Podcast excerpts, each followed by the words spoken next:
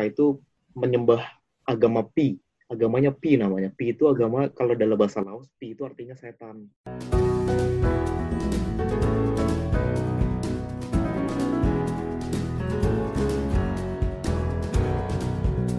Halo para pendengar setia Sainting, kembali lagi dengan saya Farhan dan rekan saya Denny. Halo. Nah, kali ini kita ada kisah menarik nih dari Gifu Jepang. Cerita ini berasal dari uh, seorang alumni Universitas 11 Maret, Surakarta yang sedang menempuh studi doktoralnya di Gifu University, Jepang. Ya, kita kenalan dulu nih sama Bang Cahyo nih. Bang Cahyo. Apa kabarnya, Mas? Alhamdulillah baik. Kenalin namanya Cayo. Pemirsa siapa namanya? Sainting. Sainting, Sainting ya. Sainting. Manggilnya ini ada, ada channel YouTube-nya nih ya, sama Spotify-nya ya. Oke. Ini Iya, di- jadi di- eh, apa musim apa nih Mas di Jepang ya? Lagi musim panas sekarang. Udah oh, udah panas ya, udah musim panas ya. Hmm. Mas sekarang lagi apa Mas? Lagi istirahat kah? Apa lagi libur kah hari ini? Hari ini tadi habis webinar. Oh, bisa Jadi, webinar. narus, jadi narasumber juga, jadi sengaja aku Oh. padetin hari ini webinar aja. Oh. Iya. iya. Saya setelannya Jadi juga pas. udah Iya, ini ya. Pas banget di sana. Jadi baru selesai banget tadi lah sejam yang lalu habis Oh, sejam webinar lalu. gitu. Hmm. Kita mau nanya dulu nih, gimana nih Mas pengalaman dulu masuk kuliah eh, ke Jepang? Yang pertama yang satunya sempat di ini ya. UNS, UNS, UNS. 11 Maret. Ya, kenapa berpikiran untuk akhirnya ah pilih Jepang ah sebagai untuk syarat eh, master saya? Dulu gue setelah lulus dari UNS sempat kerja dulu di perusahaan Oh. Jepang. Nah, dari perusahaan Jepang itu eh, mulai suka lah sama yang namanya budaya Jepang, sama Hmm. kerja kerasnya, sama disiplinnya, sama kebersihannya dan lain-lainnya lah ya. Akhirnya tertarik kan. Akhirnya ke Jepang tuh dulu dua kali dulu. Jadi sebelum akhirnya memutuskan untuk kuliah, aku sempat dua kali dulu ke Jepang buat Oh. lihat situasinya bisa nggak eh, kan kita muslim kalau saya muslim jadi Hmm. bisa nggak nih eh, hidup di sana gitu? Lihat kondisi sekitarnya apakah di sana banyak muslim juga? Atau seperti apa? Kan kita belum pernah tahu ngeliat Jepang kayak apa kan. Jadi sempat dua kali dulu lah survei ke sana gitu. Beberapa universitas sampai akhirnya saya milih Gifu yang paling aman karena ada masjid di sana. Jadi pilih di sini di Gifu. Wah, akhirnya. Terus akhirnya ya udah ada kesempatan beasiswa apply di Gifu terus langsung keterima berangkat. Sudah. Jurusannya Ya. dulu apa Mas yang di juga nih saya lupa tadi. Jurusan. jurusannya eko, ekologi ekologi terapan field ekologi Oh, ekologi terapan ya. Ya. hmm. Jadi udah sebelumnya dari yang UNS biologi ya. bukan bukan agribisnis Oh, agribisnis, agribisnis. Kemudian lanjut Hmm. ke ekologi terapan nih. Nah, ini kenapa kenapa kenapa kenapa milih ekologi terapan, Mas? Apa ini lanjut Agribisnis. sama tesis eh, skripsinya gitu, kemudian apa ada tertarik kalau agribisnis kan lebih ke bisnis pertanian ya. Mhm. dan kalau ekologi kan sama-sama di pertanian cuman lebih ke lingkungan gitu lebih ke arah lingkungan. Jadi eh, aku pengen ngambil ilmu yang lebih fokus ke arah lingkungannya karena ya kita kan sadar ya eh, sekarang lagi apalagi kayak corona kayak gini kan Iya. penting ekonomi itu penting tapi menjaga alam itu juga lebih penting karena Iya. kan kita juga lahir dari tanah gitu Iya. kita harus menjaga alam kita dikasih alam ini kita harus menjaga alamnya jadi penting untuk menjaga keseimbangan antara ekonomi dan alam makanya itu kunci dari bab studi saya tentang Hmm. ekonomi dan alam gitu Dengar-dengar nih, sempat sulit untuk mendapatkan beasiswanya ya? Untuk pergi ke Jepang. Sempat ditolak lah atau segala macamnya itu. sebenarnya bukan ditolak sih ya Hmm. Di, bu- kalau beasiswanya nggak ditolak cuman Hmm. waktu itu ditolak sama profesor Hmm.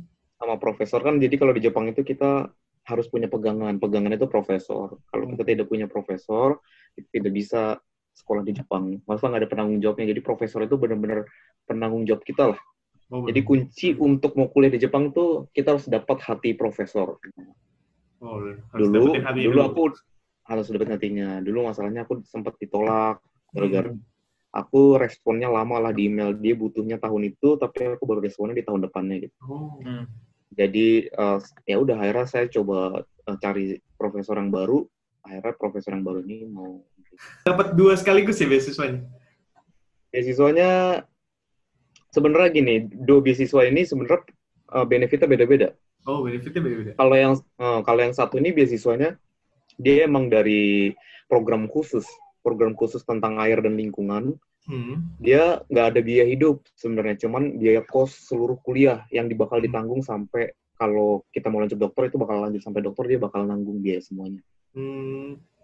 kayak gitu tapi karena nggak ada biaya hidup kan jadi mikir dong Iya. masa nggak ada beasiswa ini tapi tinggal nanti gimana di Jepang kan Iya. aku tanya-tanya juga survei mahal kan biaya hidup di Jepang ya udah akhirnya coba beasiswa yang lain akhirnya dapat yang dapat biaya hidupnya jadi double jadi yang satu itu mengcover seluruh biaya kuliah yang satu lagi eh, mengcover biaya hidup saya Oke, menarik tuh. Hmm. Nah, terus kalau ya nanti kan mengenai jurusannya nih Mas yang sekarang lagi apa di studi doktoralnya ya, yang ekologi eh, lapangan, eh, ekologi terapan, ekologi terapan. Hmm. Itu secara eh, awamnya nih belajarnya tentang apa sih Mas? belajarnya tentang sama seperti agribisnis gini lebih ke sosial ekonomi Oh, susah. ekologi tapi lebih ke sosial ekonomi eh, ek- ekonomi dan ekologi sosial Hmm. ekonomi dan ekologi Oke. gitu jadi waktu di agribisnis misalnya nih ya waktu zaman dulu S1 itu saya belajar tentang sosial ekonomi pertanian di pedesaan di Solo misalnya ya. Hmm. Saya, saya menghitung tuh bagaimana kegiatan ekonominya, bagaimana biaya inputnya buat mereka bertani, terus berapa hasil yang mereka dapat dari panen, uangnya, dan lain sebagainya lah. Sampai akhirnya dia bisa bertahan hidup untuk menjadi mata pencaharian mereka. Kayak gitu kan, kalau petani. Hmm, ya. Sedangkan eh, penelitian saya yang sekarang ini, saya harus mempertimbangkan sisi ekologinya, yang artinya di sini ada eh, tambah-tambahan lagi yang harus saya eh, sentuh, yaitu sisi lingkungan ya Ke- ketika petani saya dalam konteks petani ini petani di Laos yang which is petani di Laos itu beda banget sama petani di Indonesia. Hmm. petani di Laos itu bertaninya itu dengan membakar hutan atau dengan ladang berpindah. Jadi dia membakar hutan baru dia nanam eh, apa namanya nanam Padi. padi. Padi atau kita nyebutnya padi ya. Kalau Ya. kita di bahasa Inggris nanam rice cultivate rice gitu ya. Nah itu nanamnya di upland field di pegunungan. Jadi dia harus uh, tebang hutan dulu terus dia tanam. Terus kita menghitung itunya seberapa pengaruhnya besar terhadap kerusakan hutan dan lain sebagainya. Atau sebenarnya sistem yang seperti itu adalah sistem yang bagus menjaga sistem ekonomi lingkungan. Karena setelah mereka tanami nanti di tahun berikutnya mereka akan menumbuhkan lagi sebagai hutan. Oh. Nah, ini yang harus dipertimbangkan apakah sebenarnya yang kayak gitu lebih bagus ataukah seperti Indonesia yang menjadi padi seluruhnya, maksudnya lahan sawah gitu ya. Hmm. Ini kalau lahan sawahnya dibuka semua artinya tidak dijadikan hutan lagi kan. Iya, benar. Berarti benar-benar dibuka Sawah. seluruhnya gitu Iya. hutan.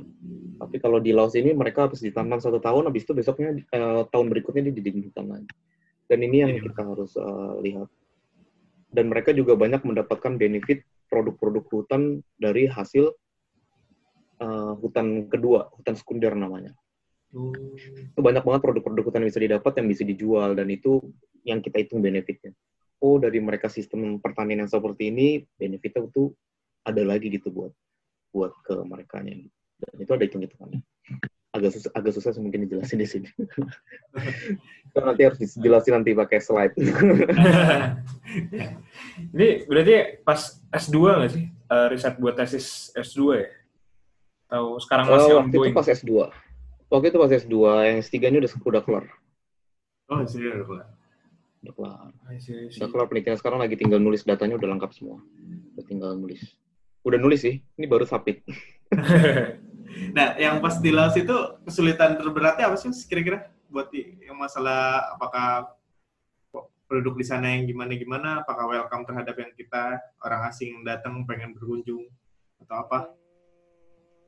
Kesulitannya bahasa lah yang jelas ya, Oh, bahasa. Hmm. Jadi waktu pertama kali saya harus dikirim ke Laos sama profesor, karena profesornya memang dia spesialisnya di Laos ya. Jadi waktu itu saya pengen ngajuin proposalnya sih pengennya penelitian di Indonesia, di Brebes. Ya, Itu pengennya. pengennya. Tapi pengennya, pengennya balik ke Indonesia aja lah, biar pulang ke kampung gitu kan. Hmm. Ternyata sensei saya maunya, kamu pergi ke Laos. Aku bilang, kalau misalnya pergi ke Laos, dananya dari mana? Aku bilang kan, Hmm. Kan kalau pergi ke Laos nggak tahu bahasa, Bahasa. berarti kan butuh, dana untuk belajar bahasa dong. Iya. Kan nggak bisa kita melakukan penelitian. Ataupun kalau misalnya nggak aku sendiri yang belajar bahasa, berarti kan aku harus bayar seseorang untuk Hmm. melakukan survei kan, Hmm. untuk bantuin aku penelitian. Berarti bayar orang lagi. Nah itu dananya ada apa enggak. Nah karena sensei saya selalu support dan ini mereka sensei saya invest banyak itulah sekitar satu jutaan 130 jutaan gitu ya Oh. Ke saya buat belajar bahasa Jepang dikirim itu buat tiket pesawat dan lain-lain semua tuh dibayarin. Beda. hotel dan lain-lain semua dibayarin semua. Kayak gitu. Dan itu selalu support kayak setahun sekali dua kali pergi ke Laos tuh dibayarin terus. Yang paling susah bahasa. Jadi aku belajar bahasa pertama dua bulan habis itu sat- eh, tiga bulan jadi total lima bulan lah belajar bahasa. Habis itu bisa ngomong bahasa. Bisa. Oh, sampai sekarang masih bisa bahasa Laos. Bisa bahasa Laos saya lebih bagus daripada bahasa bahasa Jepang Saking terlalu mendalami mungkin nih. Saking terlalu mendalami beneran. Karena kalau di orang Laos tuh kan ternyata baik banget ya, nggak kayak orang Indonesia. Eh, bukan nggak kayak orang Jepang, sorry. Jepang. Orang Laos tuh sama kayak orang Jawa, Hmm. lebih kayak orang sama sama persis kayak orang Jawa. Jadi kalau kita pergi ke pasar gitu, mereka akan welcome gitu, malah diajak ngomong terus. Jadi kan kalau semakin diajak ngomong kan kita semakin mendengar kan. Ya. Jadi untuk menyerap Jadi, bahasa tuh lebih ah. mudah. Sedangkan kalau di Jepang nggak kayak gitu. Kalau di Jepang kita ke pasar, paling dia cuma bilang irasemase, arigatou gozaimasu. Cuman kayak selamat datang, terima kasih gitu doang paling mereka. Yang kita ada. Kalau kita ajak ngobrol, paling dia udah fine. Jadi waktu tuh sangat berharga bagi mereka. Jadi mereka nggak akan buang-buang waktu. Jadi waktu mereka untuk kerja. Susah kalau Ya. diajak ngobrol sembarangan gitu nggak bisa. Sama tetangga juga susah. Kalau orang Jepang. Jadi makanya bahasa Jepang saya malah kurang eh, apa namanya kurang bagus Perang. karena nggak ada nggak ada nggak ada interaksi sosial yang banyak gitu. Lebih Berarti ke rata-rata di Jepang malah bahasa Inggris mungkin. bahasa Belakangan Inggris. Bahasa Inggris. Cuman belakangan ini eh, karena saya sudah mulai bisa bahasa Jepang, banyak teman teman orang Jepang jadi sekarang mulai mulai terbiasa sama bahasa Jepang. Oh, bahasa Jepang. Hmm. Eh, kalau dulu kan waktu zaman master kayak setiap tiga bulan pergi ke Laos, empat bulan pergi ke Laos gitu. Jadi bener-bener nggak ada nggak ada kesempatan buat ngomong sama teman-teman Jepang itu. Iya. Dan teman-teman Jepang tuh orangnya orang-orang Jepang tuh juga orangnya kan individual dan malu. Pas di Laos tuh ke pedalamannya gitu nggak sih? Jadi misalnya Mas Cahyo itu tinggal di mana kah? Atau di rumah penduduknya? Atau harus kayak bolak-balik dari kota ke tempat risetnya atau gimana Mas? Oh, waktu pertama belajar bahasa sih ya bela- tinggalnya di kota, tinggal Hmm. di kota, belajar bahasa eh, di ibu kotanya yang jelas. Terus habis itu eh, pas setelah saya yakin, saya mantap, saya sudah bisa nih ngomong Hmm. dalam bahasa Laos. At least bahasa Laosnya itu saya udah benar-benar memahami di bidang ekologi dan pertanian dan kehutanan itu. Jadi saya harus memahami itu kan bahasa yang di bidang itu. Saya sudah paham dan udah berani, akhirnya saya langsung terjun pilih ke pedalaman. Saya pilih lokasinya di dekat perbatasan Vietnam di utara utaranya Laos, Hmm. Utara timur. Jadi ke atas sana sekitar dari ibu kota itu butuh dua hari naik bis. Waduh. Lah, jauh Butuh juga. dua hari dan jalanannya jalannya itu capek banget. Nanti udah di hari pertama itu baru nyampe di kota tengah-tengah, habis itu harus nginep dulu, habis nginep besok paginya baru ada bis yang cuma sehari dua kali pergi ke pedalamannya lagi. Bisnya itu juga bis, bukan bis ya. Mereka nyebutnya bis, tapi bisnya itu lebih kayak ke mobil pick up. Oh, Oh. boleh Bener-bener mengangkat sayur mungkin. Iya iya kayak gitu bener bener. Jadi kayak bener-bener yang wah parah banget. Sampai aku juga nggak tahu kalau sampai ternyata di pedalaman tuh sampai kayak gitu gitu. Ya udah pas sampai di pedalaman eh, ketemu sama apa, wali kotanya. Aku ketemu ngobrol sama wali kotanya. Izin lah biasa kan kita punya surat dapat izin. Terus ketemu sama depart kepala departemen pertanian. Hmm. Izin akhirnya datang kunjungin ke desa-desa. Akhirnya ya memang tinggal di pedalaman. Jadi dari dari dari distrik itu menuju ke pedalamannya lagi masih sekitar butuh naik motor tiga tiga jaman. Motor pedalaman. Saking jauhnya. Kayak gitu. Terus dari pedalaman itu udah benar-benar udah nggak ada sinyal dan jauh hilang. Hilang. pokoknya pas nyampe sono udah benar-benar hutan semua udah nggak ada nggak ada kehidupan lah benar-benar cuma mereka rakyat pedalaman itu dan saya tinggal di sama kepala desanya Hmm, kalau biasanya. Hmm. Itu mereka sering eh, menerima tamu de- kayak Mas gitu nggak? Dari luar. nggak pernah baru pertama nggak Pertama ini? datang ke sana baru pertama. Cuman aku doang dan waktu pertama kali itu mungkin kepala desanya agak takut atau gimana dia nelfon polisi. Oh, Iya, sampai saya di, diinterogasi sama polisi, "Eh, ini siapa, ini siapa gitu. Jadi mungkin kepala desanya sih welcome, cuman eh, warganya aku udah nunjukin surat, aku udah nunjukin surat-suratnya mungkin karena dia nggak bisa baca baca. bahasa Laos, dia nggak bisa, jadi dia nggak ngerti maksudnya apa gitu. Dia sendiri pun nggak ngerti bahasa Laos. Itu dia. Karena dia etniknya beda, Oh, etniknya etnik Mong, jadi itu lagi yang kesulitannya. Jadi etnik mereka juga sama lah bahasa Laosnya mungkin setara sama aku gitu. Nggak nggak bagus-bagus banget bahasa Laos. Dia punya etnik sendiri. Misalnya kayak ada kan orang Jawa atau mungkin orang Bali atau mana orang Hmm. Lombok atau mana orang Timur kan ada juga yang nggak bisa ngomong bahasa Indonesia kan. hmm. Kayak gitu loh. ada ada ada momen lucunya nggak sih mas kalau ngobrol misalkan nggak ngerti sama-sama nggak ngerti ujung-ujungnya pakai isyarat bahasa tubuh bahasa tubuh gitu. Ada, jelas ada banyak sih. Kalau misalnya ini mereka nggak ngerti ya, aku tanya pakai bahasanya mereka apa, bahasa Mong. Namanya bahasa Mong, nama etiknya etik Mong. Jadi bahasa Mong. Et etik Mong itu etik yang cukup terkenal kok ternyata. Oh, Kalau ka- kalian pelajari, hmm, jadi saya, saya juga mempelajari etnik-etnik, gitu, perbedaan etnik antar etnik Mhm. di Laos. Di Laos kan ada 49 etnik, mm-mm. dan Mong itu salah satu yang lumayan terkenal kenal. untuk di orang-orang orang-orang pedalaman di pegunungan di Laos Oh, ter- terkenal sebagai orang yang pekerja keras karena dia Mong itu dulu sejarahnya itu dia adalah eh, tentaranya Amerika oh, yang dipekerjakan untuk mereka perang di dalam hutan. Karena mereka emang orang primitif emang orang dalam hutan mereka bekerja dalam hutan. Bisa wih waktu itu pernah ngikut hunting sama mereka malam-malam. Mereka lari udah kayak apa tau di hutan. Padahal di hutan kan gelap ya. Iya. banyak banyak akar-akar yang nggak jelas. Gitu. saya udah ketakutan. Mereka udah lari-lari udah. Nangkepin burung sama babi udah gitu gitu Ibaratnya kalau di Indonesia Papua mungkin ya, hampir setipe sih kayak Papua gitu. mungkin ya. Mungkin kayak Papua karena belum pernah ke Papua ya. Hampir mirip lah ya. kan selama di sana itu ber- terus-terusan gitu ya, misalnya ber, tiga bulan di sana gitu nggak balik-balik ke Iya kota tiga atau bulan. misalnya nggak balik-balik. Iya terus terusan di sana. Oh. terus terusan di sana. Tinggal di sana. Tinggal dalam hutan terus oh tapi kan karena visa karena visanya sebulan maksimum Hmm. jadi kayak setiap sebulan aku keluar dulu. Kan karena deket Vietnam. Jadi Oh, iya. pergi dulu ke Vietnam. Ya jalan-jalan dulu refreshing 3-4 hari. Hmm. ke Vietnam habis itu pulang bawa makanan bawa lain-lain bawa sayur-sayuran buat kepala desanya gitu lah jadi kayak harus keluar cap imigrasi dulu lah. Tapi ke perbatasan Vietnam itu butuh waktu sehari juga sih.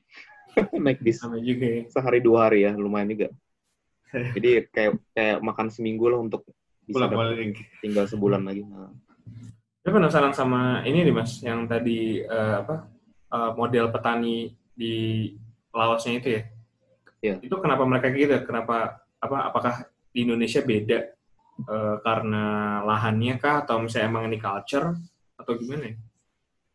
Sebelumnya saya nggak tahu kalau misalnya ada sistem pertanian yang seperti ini ya kan Hmm. karena kan saya dulu mempelajarinya lebih ke agribisnis ke bisnis pertanian saya nggak Hmm. nggak mempelajari sistem pertanian kan yang bukan bukan pertanian yang secara mendalam gitu loh ya, secara basic benar-benar yang kayak macul gitu tuh bukan S1 aku nggak yang kayak gitu gitu kan Iya, iya. jadi pas yang S2 ini aku lebih mempelajarinya ke sistem pertaniannya sistem pertanian ada sistem pertanian ini ternyata ada banyak dan ladang berpindah ini merupakan sistem pertanian yang memang sudah lama. Jadi originalnya itu sebenarnya orang-orang zaman dulu tuh ya kayak gitu, ladang Hmm. berpindah kebanyakan. Dan dulu nggak ada padi, nggak ada sawah. Kan sawah-sawah ini kan merupakan ilmu ternyata, ilmu yang eh, dipakai karena dip- dipakai irigasi kan itu kan ilmu biar bisa produksi bisa tambah banyak gitu. Tapi sebenarnya aslinya original historis dari sistem pertanian itu ya awal mulanya dari ladang berpindah itu dan satu-satunya di Asia Tenggara yang masih banyak menggunakan ladang berpindah ya di Laos. Di Indonesia ada, cuman eh, nggak banyak. Di Sumatera ada, di Kalimantan ada, yang di hutan-hutan. Tapi Jawa nggak ada. Kan karena saya Ada. lahirnya di Jawa, jadi saya nggak pernah lihat. Makanya supervisor saya, sensei saya suka nanya, kamu nggak nggak tahu ladang berpindah? Enggak. Dibilangnya aku city boy. kamu nggak ngerti apa-apa tentang pertanian gitu. Jadi malu saya kan, waduh, kacau gitu. Jadi nggak ngerti apa apa tapi sekarang jadi tahu. Jadi banyak tahu perbedaan. Nah kan ini ya, uh, sempat dengar juga pas uh, selama riset di Laos itu uh, di di Jepang juga masih ongoing ya, kayak apa ya, rent terus apa biaya-biaya uh, sewa di sana gitu. Nah itu buat keep up sama ininya, mas, apakah dari hanya grand aja atau misalnya mas mungkin juga kayak nyari apa ya, sama bisnis lain atau gimana gitu buat survive gitu kasarnya? Oh iya itu dia tuh yang agak memang berat. Jadi ketika kan gini, ketika saya di Jepang, saya kan biaya hidup sendiri di Jepang ya, misalnya untuk mm -hmm. apartemen, listrik, internet dan lain-lain kan saya bayar sendiri.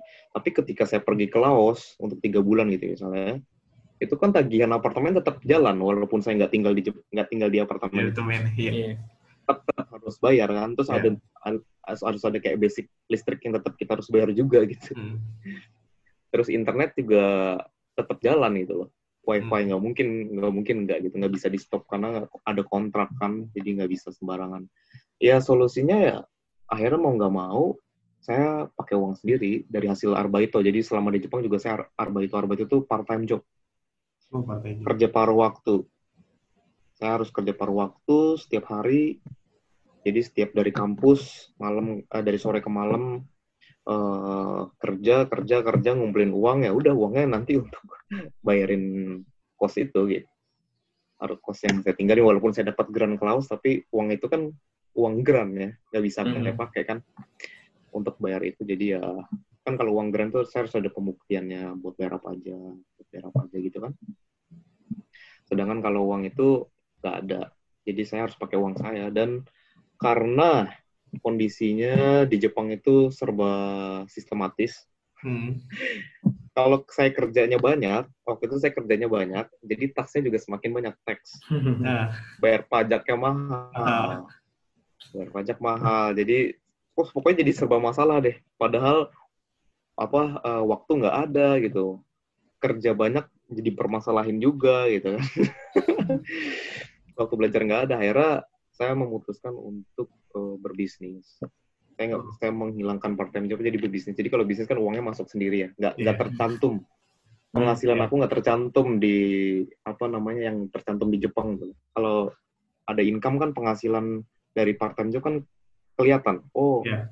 si Cahyo nih dapat penghasilan 10 juta dari dari kerjaan ini gitu kan. Yeah. Ketahuan kan kalau sekarang aku bisnis nggak ketahuan. Masuk rekeningnya rekening Indonesia nanti uangnya tinggal diambil kayak remittance gitu. Oh, sih. Hmm. Bisnisnya bisnis apa mas? Bisnis yang udah dijalanin, bisnisnya biasa sih bisnis just tip. Banyak sih orang-orang oh, just tip iya, juga iya, ya. Iya. Bisnis just tip, tapi sekali just tip belanjanya ya bisa tiga 30 juta, 40 oh, ya. juta, 50 juta, 60 juta gitu kalau dirupiahin. Nah untungnya bisa 20 persenan, 30 hmm. persen. Untungnya dari harga itu. Terus sama yeah. bisnis travel, sama bisnis travel Hmm, oh, bisnis travel. Bisnis travel ini oh, lumayan lah. Jadi kalau bisnis travel tuh sekali sekali customer datang aja ke Jepang tuh bisa nggak perlu baito, nggak perlu part time hmm. job sekitar empat bulan, lima bulan, enam bulan itu bisa. Oh. itu udah lumayan. hmm, jadi lumayan save, saving waktu banget itu. Iya, pengganti part time yang itu. Nah, kira-kira apa nih mas kayak key takeaways atau inspirasi yang mungkin mas Cahyo bisa share nih tentang pengalaman di Laos atau mungkin pengalaman di Jepang dan sebagainya apa ya nih misalnya banyak loh banyak ya banyak banyak banget. Karena pengal- bingung dari sisi mananya nih. Kalau misal dari sisi penelitiannya mm-hmm. itu dari sisi penelitian ya sebagai seorang peneliti. Misalnya bagi teman-teman yang sedang meneliti atau sedang berjuang mm. mencari data gitu. Misal memperjuangkan data. Karena kan banyak kan misalnya kayak mungkin mikrobiologi kayak Mas Farhan kan pasti penelitiannya eksperimen kan. Mm-hmm. di lab kan. Biasanya di lab kan. Kalau aku kan tipe penelitiannya berarti field survey lapangan. yeah. Pasti tantangannya pasti berbeda kalau di eksperimen pasti kan kalau gagal diulang lagi diulang lagi diulang mm. lagi kan sampai dapat sedangkan kalau field survey itu dia butuh perencanaan yang kuat butuh perencanaan yang kuat butuh perhitungan yang matang kalau kalau kita sampai salah rencana, salah perhitungan, kita sudah pergi, terus kita ngambil data tapi datanya salah, itu kita nggak bisa mengulang. Kita Hmm. udah nggak bisa mengulang. Susah kan? Berapa ya? Harus pergi kelas Iya. lagi ngumpulin lagi itu kan butuh waktu banyak Butuh banget karena saya menginterview aja sehari itu cuma maksimal dua orang, dua keluarga, dua Hmm. kepala rumah tangga paling satu hari. Jadi nggak mungkin kalau misalnya sampel saya 100-200 sampel, nggak mungkin bisa selesai Bisa dengan cepat gitu loh. Nggak mungkin. Jadi memang eh, apa kuncinya adalah memang harus sabar dan telaten semuanya dalam penelitian itu ya. Pernah nggak ada sialnya gitu, kayak harus ngulang-ngulang kerjaan jadinya? Pernah kejadian seperti itu nggak, Mas? Apa sampai sekarang masih aman-amanin aja? sampai sekarang masih aman-aman alhamdulillah ya belum belum ada ngulang kerjaan jadi karena saya sudah siap semua apa yang harus saya tanya jadi saya ngumpulin data kayak kan kebanyakan orang pengen misal penelitiannya hanya ini aja gitu misal Iya. hanya fokus ke satu tapi dia nggak mencari informasi yang lain-lainnya Oh. karena saya orangnya explore jadi saya mencari tahu semua informasi dan saya semua saya saya dapetin informasi. Jadi nggak cuma segini tapi saya ngarangkup semua. Jadi saya benar-benar udah harus mendalami seperti mereka mengikuti keseharian mereka. Jadi saya harus mengetahui informasi seluruh mereka. Jadi ketika supervisor saya nanya pun saya bisa jawab saya tahu semua. Hmm. jadi data-data saya ada semua. Dan saya ngomong juga berdasarkan data. Saya ada datanya saya ada ininya gitu. Hmm. itu sih yang paling penting. Iya. kalau nggak ada kalau nggak ada wah kacau. Nggak bisa data nggak bisa Rata orang kan fokus ke satu titik aja, nggak nggak mau explore ke semua tempat tuh. Kebanyakan orang kesalahan di situ, kesalahan dasar Mhm. sih itu biasa. misalnya kayak saya mempelajari tentang sistem pertanian ya kan Hmm. tentang mata pencaharian pedesaan yang ada di Laos tapi saya nggak nggak hanya fokus pada itu saya juga nanya bagaimana culture dia culture dia nih misalnya nih kemarin banyak banget di sana yang meninggal Hmm. Ataupun ada juga eh, ini apa namanya meninggal tuh ada culture-nya ada apa namanya eh, upacaranya. Upacaranya Upacara berbeda. mereka ada tiga hari. Ada upacara adat. Dari mulai dimandiin dinyanyiin sampai nanti proses pemakamannya pun cuma laki-laki doang yang boleh ikut. Itu aku ikutin seluruhnya. Selama tiga hari itu aku nggak ada kerja buat interview data. Saya cuma ikutin culture upacara kematian mereka. Hmm. Jadi saya ikutin terus ada juga mereka lagi gotong royong bikin sekolah bangun sekolah. Mereka gotong-gotong batu semen. Itu aku ikutan gotong batu. Saya nggak mikir apa namanya uh, interview. Jadi saya mengikuti apa apa yang mereka lakukan. Mereka lagi sibuk apa saya ikut. Oh mereka lagi mau pergi mancing ke sungai saya ikut. Saya nggak peduli uh, apa namanya nggak mikirin data-data terus nggak cuma fokus Yeah. tapi sih pengen tahu ke seluruh kehidupan mereka yang yang mereka lakukan itu. Yeah. Jadi mungkin sebagai peneliti memang harus seperti itu ya harus Yeah. mengetahui nggak cuma satu tapi semuanya semuanya harus diambil informasinya biar kita tuh benar-benar menjadi seperti mereka dan ketika kita nulis kita tahu Iya. seperti apa realitasnya kan karena memang harus realitas kan sains juga Iya. bener ya Iya, setuju banget. dan waktu itu ada yang menarik malah bikin saya apa kaget ada satu kisah yang benar-benar ini di luar dugaan saya. Jadi ada kisah menarik karena mereka itu menyembah agama Pi. Agamanya Pi namanya. Pi itu agama kalau dalam bahasa Laos Pi itu artinya setan. Oh, jadi saya kaget kan wah menyembah setan.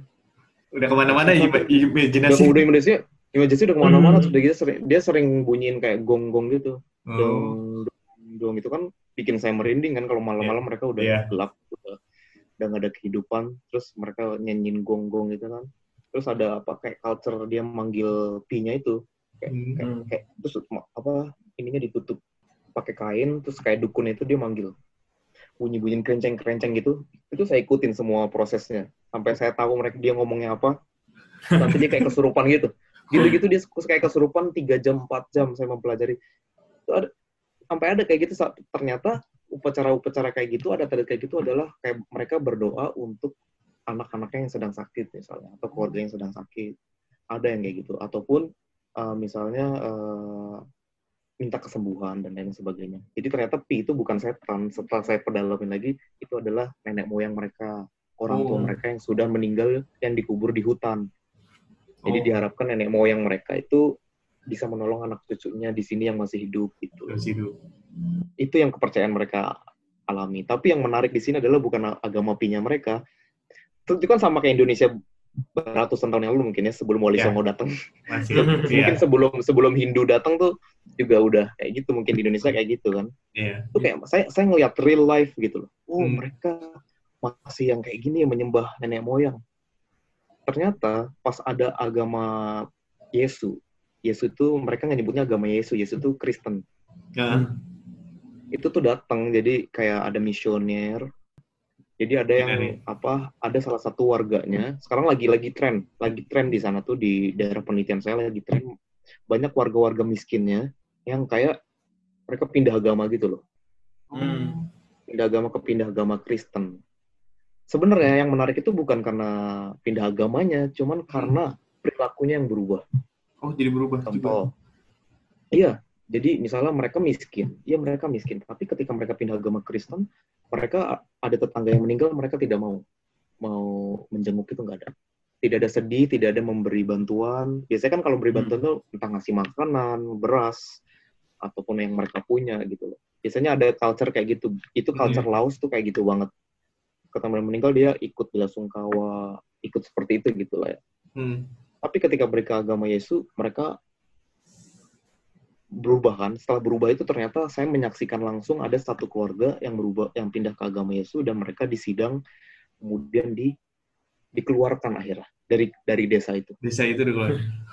Dari desa mereka disidang kayak di saya ikut saya ikut sidangnya sampai si orang keluarga itu kayak bersikukuh kalau dia pengen pindah ke agama Yesus, pengen pindah ke agama Yesus. Tapi dia juga nggak mau eh, apa namanya eh, melakukan hal-hal ritual yang Dingin gong dan lain-lain sebagainya sebagainya itu dia nggak mau ritual kayak kayak apa upacara kematian kayak gitu itu mereka nggak mau datang. Wah, saya jadi belajar kan kayak gitu. Oh, ternyata kayak gitu kekerasan hu- hukum adat tuh kayak gitu gitu loh. Oh, Ketika iya. mereka Iya, saya mempelajari hukum adat di situ kan. Saya- akhirnya dia keluar, jadi nggak lama besoknya dia harus minggat. Rumahnya nggak, pokoknya dalam 2-3 hari mereka harus dijemput nanti sama polisi sama tentara Laos. Kayak gitu. Saya jadi mempelajari berapa betapa bersyukurnya kita di Indonesia. Hmm. Berarti kan berarti kan si Wali Songo nih, berarti kita Wali Songo misalnya, Wali Songo yang muslim. Masnya Mas Foran sama Mas Denny muslim juga. Ya, Hmm. alhamdulillah. Slim. alhamdulillah muslim ya. Berarti betapa bersyukurnya kita apa Wali Songo bisa datang dan menaklukkan nenek moyang kita dulu Ya. yang tidak Iya. punya agama bisa masuk secara baik-baik dan bisa mengikuti budaya ini. Yang saya pelajari sih Hmm. itu ya. Artinya Islam bisa diterima di budaya Indonesia yang sangat kental ini dan Islam Indonesia tuh bisa mengikuti budaya Indonesia yang masih ramah tamah, yang masih bisa Hmm. ini gitu tuh bersyukur banget. Dulu kan eh, katanya hari ke kayak kan kayak ada ritual Indonesia juga ada ritual kan hari ke satu, Iya, hari pasti, ketiga, hari ketujuh gitu gitu kan. Iya. Ya. Itu kan itu katanya adat Jawa lah, adat ini kan. Itu emang itu adat. Jadi ternyata zaman dulunya itu setelah saya pelajari, saya jadi mempelajari juga nih. Ternyata Hmm. adat-adat 1, 3, 7, 40 dan sebagainya itu dulu-dulu mereka melakukan ritual itu minum-minum Oh. pakai apa namanya kayak pesta-pesta gitu untuk menghilangkan kesedihan karena keluarganya meninggal. Tapi itu diubah sama Hmm. apa uh, wali songo kita itu dulu. Jadi apa adat-adat itu diubah untuk melakukan bacaan yang baik-baik Hmm. kayak gitu berdoa bersama. Jadi saya mempelajari sih ke situ sih ya. Jadi saya tanya sama warga lokal kan saya muslim. Waktu itu saya banyak cerita tentang Islam. Nah, Saya berusaha untuk Hmm. menyentuh Islam itu sama culture-nya sama mereka. nah. Saya berusaha untuk itu. Jadi waktu itu lagi bulan puasa. Oh, Hmm. pas, Lagi pas bulan puasa. Ramadan. Pas bulan Ramadan dia selalu nanya kenapa saya nggak makan, kenapa saya nggak makan, saya ceritain semua. Jadi benar-benar ya, akhirnya dia mempelajari. Saya bilang kalau misal saya Islam di sini apakah saya diusir juga? Nah, Enggak. ya, itu masa. Ternyata enggak. Iya, saya tanya. Jadi ternyata kalau saya Islam pun itu nggak diusir, asalkan mereka tetap bisa menghargai sesama, Ya, lagi. asalkan Hmm. mereka tetap bisa. Karena yang penting itu kan rasa kemanusiaan ya. Iya. Karena agama itu agama itu urusan kita pribadi sama yang maha kuasa. Sedangkan eh, budaya itu antara kita sesama manusia sih menurut aku. Iya. Terserah mereka tuh percaya mereka mereka mereka main main gong berkali-kali mau mau, mau kayak manggil dukun berkali itu terserah Hmm. urusan mereka tapi Hmm. urusan kemanusiaan itu kan penting ya. Masa ada tetangganya meninggal dia nggak mau datang cuman gara-gara beda keyakinan kan nggak juga kan. Itu sih yang saya pelajari dan yang bikin saya terharu adalah eh, saya puasa mereka sangat support. Jadi setiap sahur dia bikinin makanan buat saya. Jadi uh, saya merasa saya meyakini mereka itu orang baik, hanya orang yang masih nggak tahu apa-apa. Dan saya cuma berdoa aja mereka dengan saya berbuka puasa di rumah mereka, seenggaknya mereka mendapatkan pahala dari mereka yang sudah memberi makan ke saya. Karena saya baru menyadari betul ketika kita jadi minoritas itu benar-benar hmm. dihargai banget. Iya. Gitu loh. Ya, setuju. Wah ini deep deep banget ini. Seru sih. Seru, itu, yang, itu yang paling menarik. Itu yang paling menarik. itu yang paling menarik. Ada istiadat beda-beda negara tuh menarik sekali untuk diperdalam. Hmm. Ya intinya kita harus saling menghargai hmm. sih. Mau di mana pun tempatnya berada, ya kita ikutin aturan aturan adat. Apalagi kita sebagai minoritas yang baru datang ke tempat situ kan. Kita harus menghargai hmm. lah.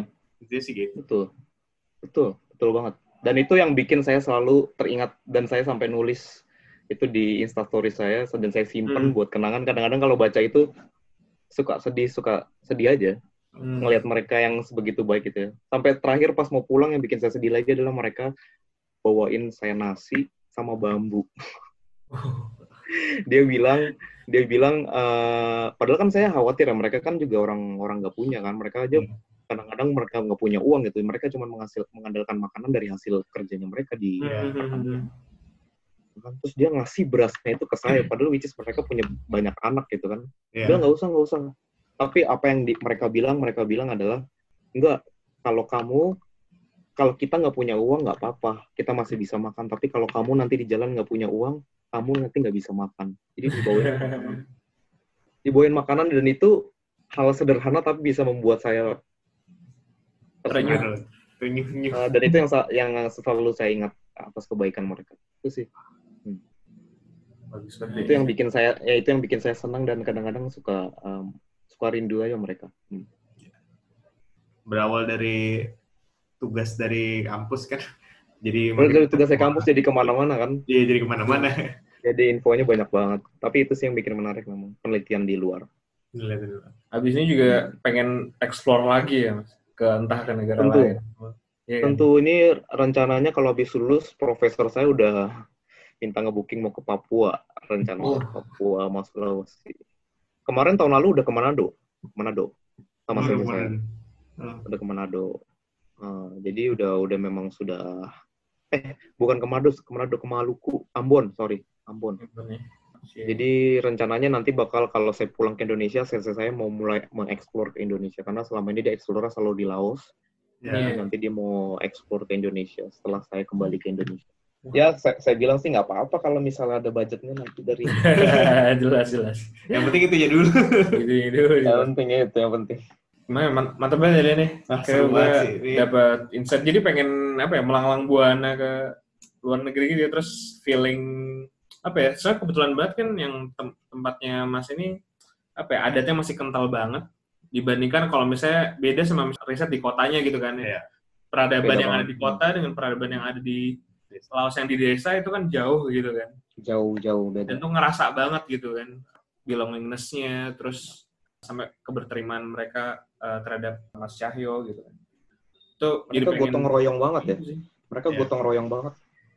Masih masih kayak mungkin ya masih Indonesia yang zaman dulu banget mungkin. Sekarang kan orang Indonesia kayak sorry ya sorry itu saya kalau orang-orang Jakarta kayak udah nggak peduli gitu sama tetangga kebanyakan karena sedih sih ya, mau nggak mau ya kita mulai mengikuti budaya Barat malah kita yang mengikuti. Iya. Iya jadi mengikuti budaya padahal budaya Indonesia tuh udah bagus banget. Ya juga. Bagus harus dan harus dipertahankan sebenarnya yang budaya-budaya Indonesia yang iya. Hmm. nah, itu. Mas Cahyo sendiri ada pesan nggak buat orang-orang di Indonesia yang pengen banget nih ke Gifu? Gimana sih cara mendapatkan informasi tentang tempat yang layak kah? Atau dari kerjaannya gimana? Atau gimana? Ada tips dan triksnya nggak sih mas? Untuk bisa dapat untuk oh bisa bisa kuliah ke Jepang gitu mas ya dari mas banyak banyak cari informasi sih sebenarnya nggak mesti di Gifu sih ya ya kalau Gifu itu kan uh, pilihan ya. sebenarnya dulu itu saya udah ke Kyoto ke Tokyo ya hmm. udah pernah cek cek universitas cuman saya milih Gifu tuh karena pilihan, karena sebuah pilihan. Dan memang kesempatan sih, kesempatan besarnya emang ada di Gifu. Jadi hmm. ya udah. Untuk untuk uh, tipsnya cari-cari informasi yang banyak. terus uh, cari senpai senpai itu senior Ya. yang dekat. Terus yang ke berikutnya adalah tips berikutnya setelah mendapatkan informasi beasiswa ya harus belajar bahasa Inggris kali ya untuk bisa menaklukkan hati profesor. Profesor. Itu yang paling penting dalam email ya, dalam email. Jadi kita bisa Iya. meyakinkan apa penelitian kita dahulu, terus apa research plan kamu, rencana penelitian kamu kayak gitu-gitu. Itu harus di benar-benar dipertimbangkan kalau misalnya mau kuliah keluar. Oke. Karena kalau kita nggak ada rencana penelitian kita nggak bisa untuk Iya. lanjut kuliah. Karena yang dipegang itu dalam akademik, which is walaupun perencanaan penelitian saya diubah semua diganti, tapi seenggaknya saya udah bisa menaklukkan hatinya dulu. Iya. Hmm. Oh, rencana di awal yang di email itu nggak nggak di ini nih, maksudnya dan sama profesor di recycle lagi. Iya, ya kan uh, saya ngajuinnya perencanaan penelitian saya di Indonesia, Hmm. Oh, yang itu ya. yang di Indonesia. Tapi untuk kenyataannya pas sudah diterima, uh, rencana penelitian itu diubah. Saya mau kamu penelitiannya di Laos dengan tema yang berubah juga. Iya. Jadi kayak ya udah belajar lagi dari awal. Biasanya Itu harus harus belajar siap. terus, belajar, belajar terus itu penting sih. Oh iya, karena jangan jangan merasa terkecilkan juga kalau kita tuh bodoh. Sering banget sih aku juga dibilang bodoh ya. Maksudnya memang masih bodoh. Ya kita masih Kan masih belajar. mulai juga. di, diakuin aja gitu misal karena setiap kita baca setiap kita baca sesuatu itu semakin ketahuan kita tuh semakin bodoh Hmm. Iya. percaya deh pastilah misalnya saya eh, sekarang fokus di pertanian terus tiba-tiba saya nanti belajar IT atau belajar mikrobiologi oh ternyata saya banyak nggak tahu tentang mikrobiologi dan IT Iya. ya berarti kan ketahuan saya bodoh bodoh di bidang itu ya. jadi semakin kita belajar adalah semakin kita ter- terlihat bodoh. Jadi nggak usah nggak usah khawatir kalau kita dibilang bodoh itu emang wajar. Kita tuh nggak sempurna. Iya. Dokter itu malah justru eh, bukan sebuah kepintaran ya. Dokter itu malah lebih ke spesifik satu bidang aja Iya. di satu sisi. Rucut Tapi lah bukan ya. Bu- bukan bukan berarti pinter di semuanya, tapi Iya. memang harus ke satu bidang aja. Kalau pinter Oke. semuanya, siapa yang bisa pinter semuanya? yang Kan nggak ada. Ada bisa yang bisa itu. yang bisa IT, yang bisa matematika, yang bisa profesor mana yang bisa? Semua. Jadi untuk untuk orang-orang yang pengen kuliah untuk luar negeri sih intinya cari dulu minatnya mau ke mana mungkin ya. Minatnya mau ke mana, pelajari Hmm. bahasanya, pelajari bahasa Inggris lah minimal. Dan dekatin profesornya kalau bisa. Benar, benar, benar. Dapetin hati profesornya biar lebih enjoy. Tuh, jadi biar nanti pas sudah kuliahnya tuh enak. Kita ngobrol juga enak. Diskusi tuh enak karena diskusi di Hmm. Jepang tuh diskusi Jepang tuh nggak kayak diskusi Indonesia. Diskusi Indonesia kan paling tek, tek, tek, gitu doang udah selesai. Kalau diskusi Iya. sama Jepang tuh wah, mereka lebih detail, dalam banget dan tuh nggak di kadang-kadang di luar pikiran ah sampai ternyata kayak gitu lah Hmm, gitu, Malah sampai pikiran berbeda ya mungkin. jauh jauh beda mereka diskusinya luar biasa pertanyaan-pertanyaan mereka kritis Makanya emang lebih enak sebenarnya ke luar negeri sih buat ngobrol-ngobrol sama orang-orang baru sih. Wawasannya Wawasannya masih beda dari Iya, Indonesia sih. Harus Iya. diakuin itu. iya tapi nggak apa-apa kan kita proses belajar dulu Jepang juga kayak gitu Iya. Jepang dulu tahun 60-an juga kayak gitu. Mereka baru ngirim mahasiswanya ke luar negeri tahun 60 ya. Hmm. waktu zaman habis perang dunia kedua kan hancur semua tuh mereka tahun 1945 untuk Hmm. mengembalikan ekonominya mereka banyak mengirimkan mahasiswanya mereka ke luar negeri kirim ke Eropa kirim ke Amerika. Pulang kembali ke Jepang langsung di disinergikan dikolaborasikan untuk membangun industri. Nah waktu itu industri pertamanya itu ya otomotif sama kereta Shinkan Hmm. yang sampai Hmm. akhirnya dia bisa ngebangun seluruh bisnis kerajaan bisnis otomotif Oh. dan teknologi itu ya dari awal mulai bikin Jepang maju kan gara-gara itu kan kereta Iya. tercepat di dunia mobil segala macam ngomong Jepang sekarang penanganan COVID-nya gimana Mas menurut Mas Syahid? hmm, penanganan COVID-nya menurut aku udah cukup bisa ditekan ya Hmm. awalnya dulu awalnya dulu tinggi kan awalnya dulu tinggi Hmm. di gelombang pertama tuh waktu itu tinggi sempat khawatir juga makanya banyak Hmm. kayak semua orang langsung bener-bener drop. Dan universitas juga sempat tutup dua bulan lebih. Hmm. aku nggak masuk ke universitas jadi semuanya dari study from home. Terus bantuan pemerintah sih yang luar biasa. Beneran dikasih ya? bener dikasih. Satu orang 100 ribu yen sekitar 13 juta orang karena aku udah ada istri, ada anak, anak masih bayi umur 8 bulan pun dapat 100 ribu gitu. Wah, banget. Jadi, ti- jadi 13 juta dikali 3. Dapat Walaupun bukan warga sana ya, bukan harga asli sana. ya? eh, domisili, yang berdomisili di Jepang, yang tinggal di Jepang pokoknya dapat. Wow. Jadi 13 juta dikali 3 dapat. Itu sih yang bikin yang luar biasa. Terus ditambah lagi bantuan-bantuan dari universitas, karena kita Hmm. warga negara asing, dibantuin juga, dapat dana bantuan. Satu orang 100 ribu lagi, 13 juta lagi satu orang. Hmm. Untuk cash biaya- untuk ya? Cash, cash, cash. Wah. Enak sekali tuh. Di Indonesia tidak ada sebenarnya. Sebenarnya Mbak, seharusnya bisa sih, cuman Iya. kalau orang Indonesia itu jadinya kema kema kemaruk. Yang udah Iya. kaya tetap mau minta juga Iya, gitu. iya, iya. Susah. Kalau di sini orang kalau di sini orang Jepang ada aplikasinya, jadi aplikasinya tuh ada pilihan tidak mau menerima. Oh, Jadi bagi mereka yang udah kaya, mereka tidak menerima. Nggak mau. oh, di mereka Indonesia juga kayaknya menerima semua itu isinya. Bakal menerima semua kalau itu ada bantuan. Iya.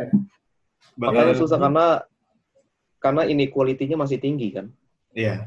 di Indonesia kan maksudnya untuk ekonomi Indonesia tuh banyak orang-orang yang mengandalkan ekonominya masih dalam keseharian jualan Hmm. gorengan di pinggir jalan ya kan yang kayak gitu-gitu kan masih sedangkan orang Jepang ini kan sudah ke market oriented artinya sudah pindah sudah move ke pekerja jadi mereka tuh bekerja digaji gitu part time job misalnya Hmm. itu part time job karena part time jobnya sekarang udah apa gara-gara corona restoran misalkan aku part time job di restoran karena Hmm. restorannya itu sepi pengunjung jadi apa pekerjanya berkurang jadi di sini kan nggak ada tuh orang-orang yang jual di pinggir jalan itu kan Iya. ada Iya.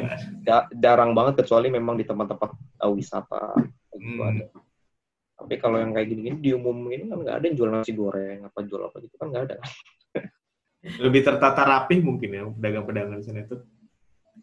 Iya ya semuanya udah market oriented lah lebih- udah berupa restoran dan mereka Iya. ada pajaknya dan lain sebagainya tapi kan Iya. kalau orang jualan gorengan nggak ada pajak kan Iya. Iya. Mau di mana aja dia.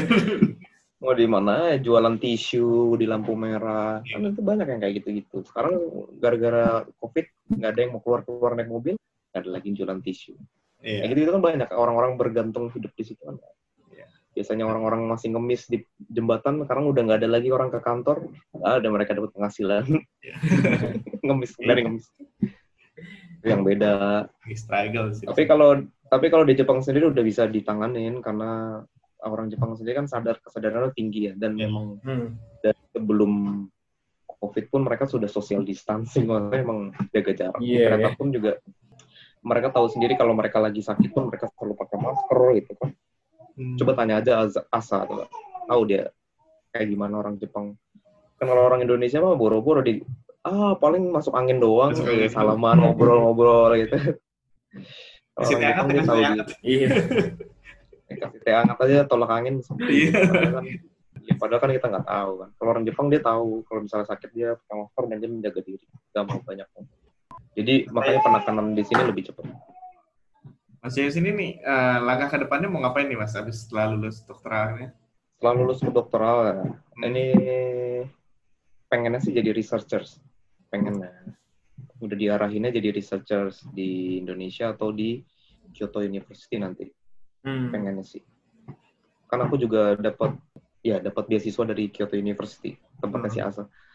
Jadi dari Southeast Asia, Asian Studies, Oh. uh, aku dapat aku belongs to Kyoto juga. Jadi aku di Gifu tapi aku belongs to Kyoto. Jadi Oh. kayak sering juga presentasi gitu sama diundang untuk laporan progres. Nah, terus ya kalau misal ada kesempatan sih pengennya jadi researchers kalau ada kesempatan di Kyoto. Iya. Terus kalau misalnya pulang ke Indonesia pengennya di LIPI, cuman nggak tahu LIPI ini ada formasinya atau enggak karena kan kalau Hmm. di LIPI itu kan PNS ya Iya. Iya. Uh, dan memang harus mengikuti formasi tahap-tahap yang panjang Ya, tahap-tahap. di sana. Banyak tahap-tahapannya. Pengennya sih kayak gitu, cuman ada juga beberapa tawaran kayak di Laos, ada Oh. NGO, NGO juga menawarkan udah ingin meng-hire gitu. Iya. iya. udah ingin meng-hire gitu. Nah, terus nggak tahu deh apakah itu nanti ke NGO di Laos. Masih belum tahu lah. Jadi kayak sekarang fokusnya adalah eh, menyelesaikan studi dokter. Kalau menurut aku pribadi, kalau kita sudah menyelesaikan studi dokter, dokter kan studi tertingginya ya. Kalau Iya. udah selesai, kita bisa melakukan apa pun sih. Maksudnya self employment juga bisa gitu. Kita bisa ya. mengajar, kita bisa bekerja sendiri. Justru kan dokter itu nggak nggak harus bergantung sama kita kerja di mana. Seharusnya dokter tuh harus berpikir bisa berbuat apa ya nggak sih? Iya. Seharusnya. Dokter tuh nggak nggak nggak nggak nggak cuman "Eh, nanti gue kerja di mana ya? Mana juga perusahaan yang mau ngegaji dokter gitu. Iya. mungkin di Indonesia mungkin kepada nggak berani ngegaji dokter Iya. mungkin kan kecuali mau jadi politikus kah Iya. atau jadi apa Anggota DPR. anggota DPR cuman kayaknya aku nggak nggak minat deh anggota DPR Oh salah mas. Jadi researcher aja lebih baik. pengen jadi researcher aja lebih bebas melalang buana mempelajari Iya. budaya culture itu lebih asik Ya, sih. gitu Ya. Ini ada Nanti go with the flow aja. nggak mas? Pengen nulis buku cuman nggak ada waktu ya Belum belum ada. Belum ada waktu. nulis skripsi ini apa? Dis- Disertasi dulu ya. nulis disertasi eh, nulis paper ya karena sekarang Paper juga ya benar-benar. benar. paper sih yang saya juga lemah dalam menulis sebenarnya. Jadi saya mungkin bagus dalam eh, peneliti penelitian ngumpulin data itu saya pintar tapi dalam menulis ini mengimplementa mengimplement ah, mengimplementasi apa bahasa Indonesianya menerjemahkan ya Diterjemahkan. Hmm. menerjemahkan data dalam sebuah tulisan itu tuh Tulisan. yang saya masih belum Karena udah terbiasa kerjanya lapangan mungkin ya. belum kerja lapangan. Saya bukan seorang peneliti yang kayak dosen peneliti yang bisa biasa nulis gitu. Terus engage-nya langsung sama orangnya ya. Yang kita sama Hmm. orangnya. Iya.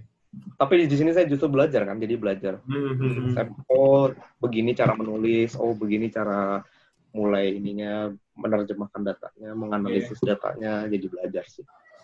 Ya kan dokter itu kan belajar kan, Iya. Benar, benar. Benar. namanya juga student, namanya juga student, jadi belajar, belajar, belajar. belajar. Belajar belajar terus. Masih belajar nulis, ntar kalau udah selesai pengen sih nulis buku, udah banyak yang nanyain juga, tulis dong buku cerita di Laos, atau Iya, buku cerita itu. kehidupan di Jepang, gitu-gitu udah banyak yang nyuruh, cuman belum sempet. aja. Oke oke. Gimana nih? Mantap banget ya. Ya, Eh, sama Mas Cahyo ini. gue mungkin dapat kesimpulan ya. Ini ngobrol-ngobrol sama Mas Cahyo ini jadi pengen keliling dunia gitu ya. Mungkin keliling Indonesia dulu ya. Tapi ke untuk merasakan pengalaman culture Budaya. yang apa ya, yang deep gitu, yang yang benar-benar dalam gitu, yang sama kayak Mas Cahyo rasain di Laos itu gitu. Karena itu kayak jadi pengalaman tersendiri yang mungkin nggak ada di sekolah mana pun, nggak ada di kelas mana pun, nggak ada di buku mana pun mungkin ya kalau misalnya belum kita apa ya tahu gitu ya. Jadi pengalaman tersendiri yang unik yang bisa jadi ya cerita nanti buat anak cucu dan sebagainya ya. Itu sih. Kayaknya di Indonesia belum ada cerita tentang di Laos, makanya nanti saya pengen Iya, iya. nulisnya buku dalam bahasa Indonesia tentang Mhm. tentang etnik, terutama tentang etnik etnik itu sih. Itu bagus sih pengen mas. tulis. Pasti banyak yang baca sih. Harusnya sih ya. Saya saya sih pengennya juga nanti kalau misalnya pengen bisa berbuat sesuatu, waktu itu saya udah presentasi juga di salah satu di depan pengusaha di Jepang. Hmm. Jadi kan saya Indonesia, kuliah di Jepang, penelitian di Laos gitu kan. Hmm. Indonesia, Jepang, Laos kan berarti tiga koneksi ini. Jadi saya sih berharap dari Indonesia nih mewakili Indonesia nggak cuma bisa berkontribusi untuk Indonesia, tapi juga ingin mengajak Laos. Laos itu kan negara termiskin se Asia Tenggara ya. Iya. Hmm. Tergolong yang paling miskin dan saya penelitiannya di pedalaman yang paling miskin di Laosnya. Jadi itu jelas termiskin se Asia Tenggara. bener-bener rumah tangga yang bener-bener sulit banget di sana, bener-bener di hutan, akses susah, jalan susah, dapetin ke pasar pun dapetin selimut aja juga butuh jalan dua hari kayak gitu. Hmm. Itu mereka kan kayak gitu kan. Jadi pengennya saya sih kayak malah pengennya ngebuka NGO sendiri sebenarnya Hmm, ngebuka NGO dari Indonesia untuk banyak negara Hmm. berkembang lainnya. Jadi seharusnya i- dengan cara kita memberi memberi dengan cara kita memberi itu Indonesia sebenarnya bisa maju. Jadi cara Indonesia maju adalah dengan kita memberi dan berbagi dengan Iya. negara-negara berkembang Hmm. lainnya. Hmm. Dulu karena Jepang melakukan itu hal itu, saya belajar dari direkturnya JICA, Hmm. direktur wakil direkturnya JICA, Japan International uh, Japan International Corporation Agency, JICA. Hmm. Jadi JICA itu sebuah NGO tapi sekarang sudah menjadi kega- eh, NGO-nya Jepang. Dia emang banyak ada di mana-mana di Indonesia salah satu MRT MRT proyek MRT di Jakarta itu juga proyeknya JICA. Hmm. Oh. Jadi, Nusantara juga pernah loh kerja sama sama JICA loh. Iya. Bener ya? Ah, ah, benar, Iya. benar, Bener ya? benar, benar benar. ya. Jadi- juga kita. Jadi JICA itu kan banyak banget program proyek-proyek kan. Iya. Mhm. Jadi mereka mau ngebantu. Kadang-kadang malah di desa-desa kalau di Laos misalnya dia ngebangun jembatan atau ngebangun waduk kayak waduk kecil gitu untuk irigasi. Mhm. Mereka ngebangun, dia menggelontorkan dananya untuk ngebantu negara berkembang untuk bisa maju. Terus nanti mereka menancapkan bendera Jepang ya, wih ini dibangun oleh Jepang ya. Iya. Kenapa nggak Indonesia kayak gitu juga gitu? Aku pengen kayak Indonesia juga bisa berbuat sesuatu dong. Oh, Ada iya. di mana-mana bendera Indonesia gitu. Iya. Nggak cuma di Indonesia, tapi Indonesia di negara pengen saya sih Indonesia ada di negara Laos misalnya. Wih, ini bantuan dari Indonesia, bantuan dari Indonesia, NGO, sebuah sebuah gerakan. sih. Pengen sih kayak gitu. Cuman Hmm. Ya, emang harus mudah-mudahan butuh suatu saat bakal modal dan wujud. koneksi. Iya. Berawal dari mimpinya Mas Cahyo nanti ya.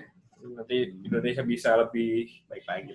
Iya memberi ke negara-negara tangganya terus juga malah karena itu makin maju gitu. Tuh, tuh, amin. Nanti moga-moga mas-masnya juga bisa lah Eh, Amin, amin, amin, amin, amin. amin. mendukung. Oke oke. Makasih banget nih Mas Cahyo udah Sama-sama. bisa direpotin sama kita nih ngobrol-ngobrol. Ini udah Nggak kerasa. sampai jam udah mau jam 5 ya, udah jam 5 ya. Udah jam 5 lewat Udah setengah enam. Udah Oh, sama ya. malah. Malah senang hati nih bisa bercerita karena jarang aku kesempatan bisa mencerita tentang Laos. Kayaknya baru ini keberapa ya? Kedua kali kan? Ini baru kedua. Gitu ya. Cerita tentang ini. Gila. Tentang Looking forward nih. kehidupan di Laos. kita kalau misalnya udah kolaborasi atau misalnya ngobrol-ngobrol lagi, silaturahmi lagi, nanti kita bisa bisa ketemu lagi nih. Saya saya juga ya, insya kita juga senang lah bisa dikenalin juga sama Mbak Azza sama Mas Cahyo nih ya. Suatu saat sih pengennya ketemu banyak. bareng, ya ketemu langsung sih mas. Ngobrolnya lebih enak. Ya insya Allah nanti kalau di Jakarta lah kontak aja mungkin bisa lewat Instagram atau lewat Ya. aku Oh iya. biasa boleh. aktif di Instagram sih. Oh iya. Coba nanti tanya Asa atau bisa di sini promosiin sekalian.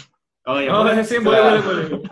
Instagramnya apa? Bisa follow follow aja di Chayon Lee, C A Y O N L Y, Chayo. Oh. Chayo. Oke. Lee. Kita, kita bisa koneksi di sana aja. Jadi aku lebih banyak sharing juga di sana. Facebooknya nggak mas? Facebooknya nama aku aja Cahyo Wisnu Rubianto. Oh, iya, iya. Oke oke. Nah, kalau di Facebook juga aku ceritanya lebih ke formal karena di sana banyak teman-teman dosen. Jadi Oh. aku lebih Lebih formal ya semuanya. lebih formal. Kalau di Facebook lebih formal. Kalau lebih Instagram lebih ke keseharian. Oke oke. Terima kasih banyak nih Ya, Mas. nanti- kita Oke. ini Sampai ketemu di Jakarta nanti kalau kita ketemu. Ya, Oke. kalau- sampai ketemu ya. Mas. Ya. Ya, Terima kasih mas. Oke. Assalamualaikum. Sama salam.